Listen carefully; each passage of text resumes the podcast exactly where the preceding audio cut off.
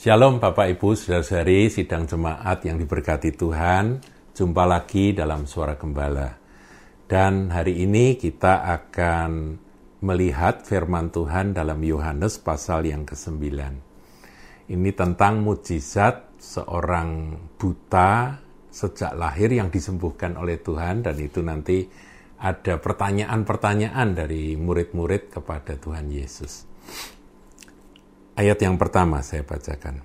Waktu Yesus sedang lewat, ia melihat seorang yang buta sejak lahirnya. Jadi orang buta itu kan ada dua, dua jenis saudaraku ya. Yang pertama buta sejak lahir, jadi lahir dia sudah nggak nggak bisa melihat. Kemudian ada yang buta setelah dia beberapa waktu melihat, entah sampai usia berapa, kemudian ada sakit mata atau kecelakaan, tidak bisa melihat. Itu bukan buta sejak lahir ya.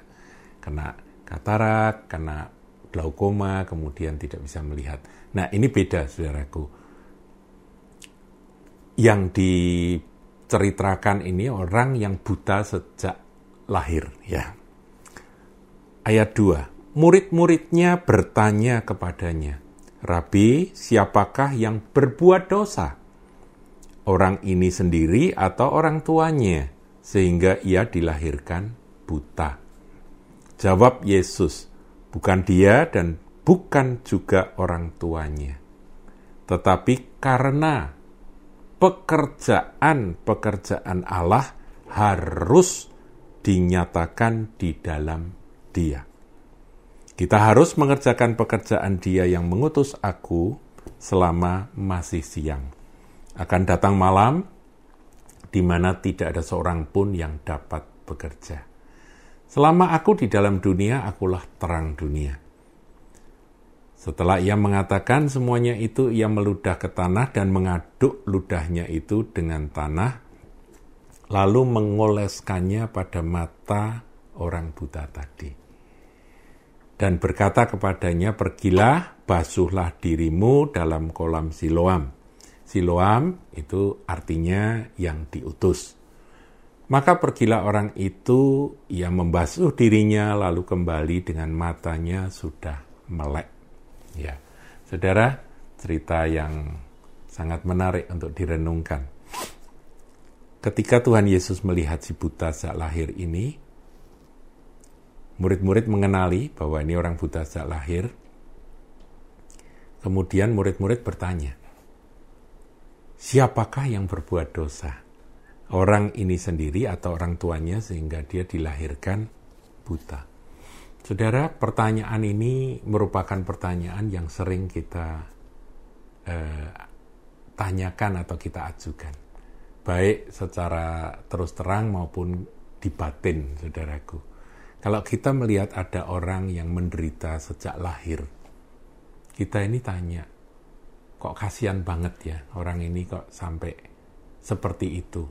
Cacat sejak lahir, menderita sejak lahir, ini membuat kita bertanya-tanya. Salahnya siapa? Apa yang berdosa orang tuanya? Nah ini kan ada pelajaran saudaraku bahwa dosa nenek moyang, dosa orang tua itu akibatnya bisa sampai ke anak cucu. Itu kan ada saudaraku ya bahwa kutuk itu bisa mengejar sampai keturunan yang keempat.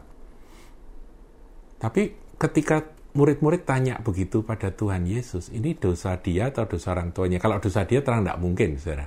Karena mosok bayi bisa berbuat dosa, mosok di dalam kandungan itu berbuat dosa, ya kan? Kan dia dia kan masih belum bisa berbuat dosa, ya kan? Jadi pertanyaan murid-murid ini sebetulnya yang mengarah apa ini dosanya orang tuanya kan begitu. Tapi Tuhan berkata bukan dia, maksudnya bukan dosa dia, dan bukan juga orang tuanya. Nah terus bagaimana dengan pelajaran tentang kutuk tadi? Kutuk yang nantinya akibatnya akan mengejar keturunan sampai generasi keempat itu yang ada di dalam perjanjian lama.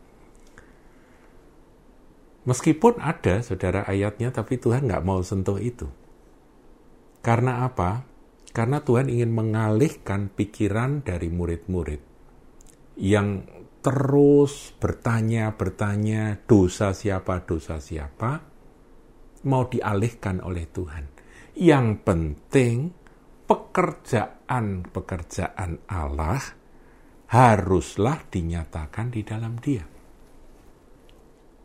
Jadi Tuhan Yesus itu lebih cenderung kepada solusi, bukan mengejar sebab-sebabnya. Oh, kenyataannya sudah begitu, sudah buta sejak lahir. Jadi yang penting itu solusinya apa? Pekerjaan Allah harus dinyatakan di dalam dia. Saudara kalau ada orang susah, saudara ya solusinya apa supaya orang susah itu dapat tertolong? Begitu aja. Pekerjaan-pekerjaan Allah itu adalah segala sesuatu yang baik yang bisa membantu orang-orang yang menderita. Jadi kita ini harus ber, berpikir seperti eh, jawaban Tuhan Yesus ini. Kita ini kan anak-anak Allah. Kita harus mengerjakan pekerjaan-pekerjaan Bapak kita ketika kita menghadapi adanya penderitaan-penderitaan di dalam masyarakat pada orang-orang yang kita jumpai. Ada anak-anak yang lahir terlantar dosa siapa? Ya sudah anak-anak itu kita urusin saudaraku. Kalau kita mau marah sama orang tuanya yang menelantarkan, udah nggak bisa ngasih makan, orang tuanya gitu bikin anak terus kita jengkel begitu ya saudaraku nggak mau KB ya sudah ini kan sudah ada anak ini.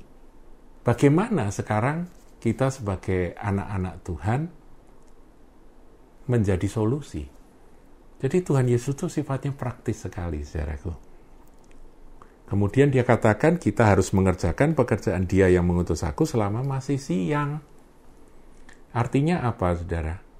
Kalau kita melihat ada orang yang kita bisa bantu, kita tidak usah jengkel pada orang tuanya lah, kenapa kok sampai anak ditelantarkan, misalnya ini anak saudaraku ya.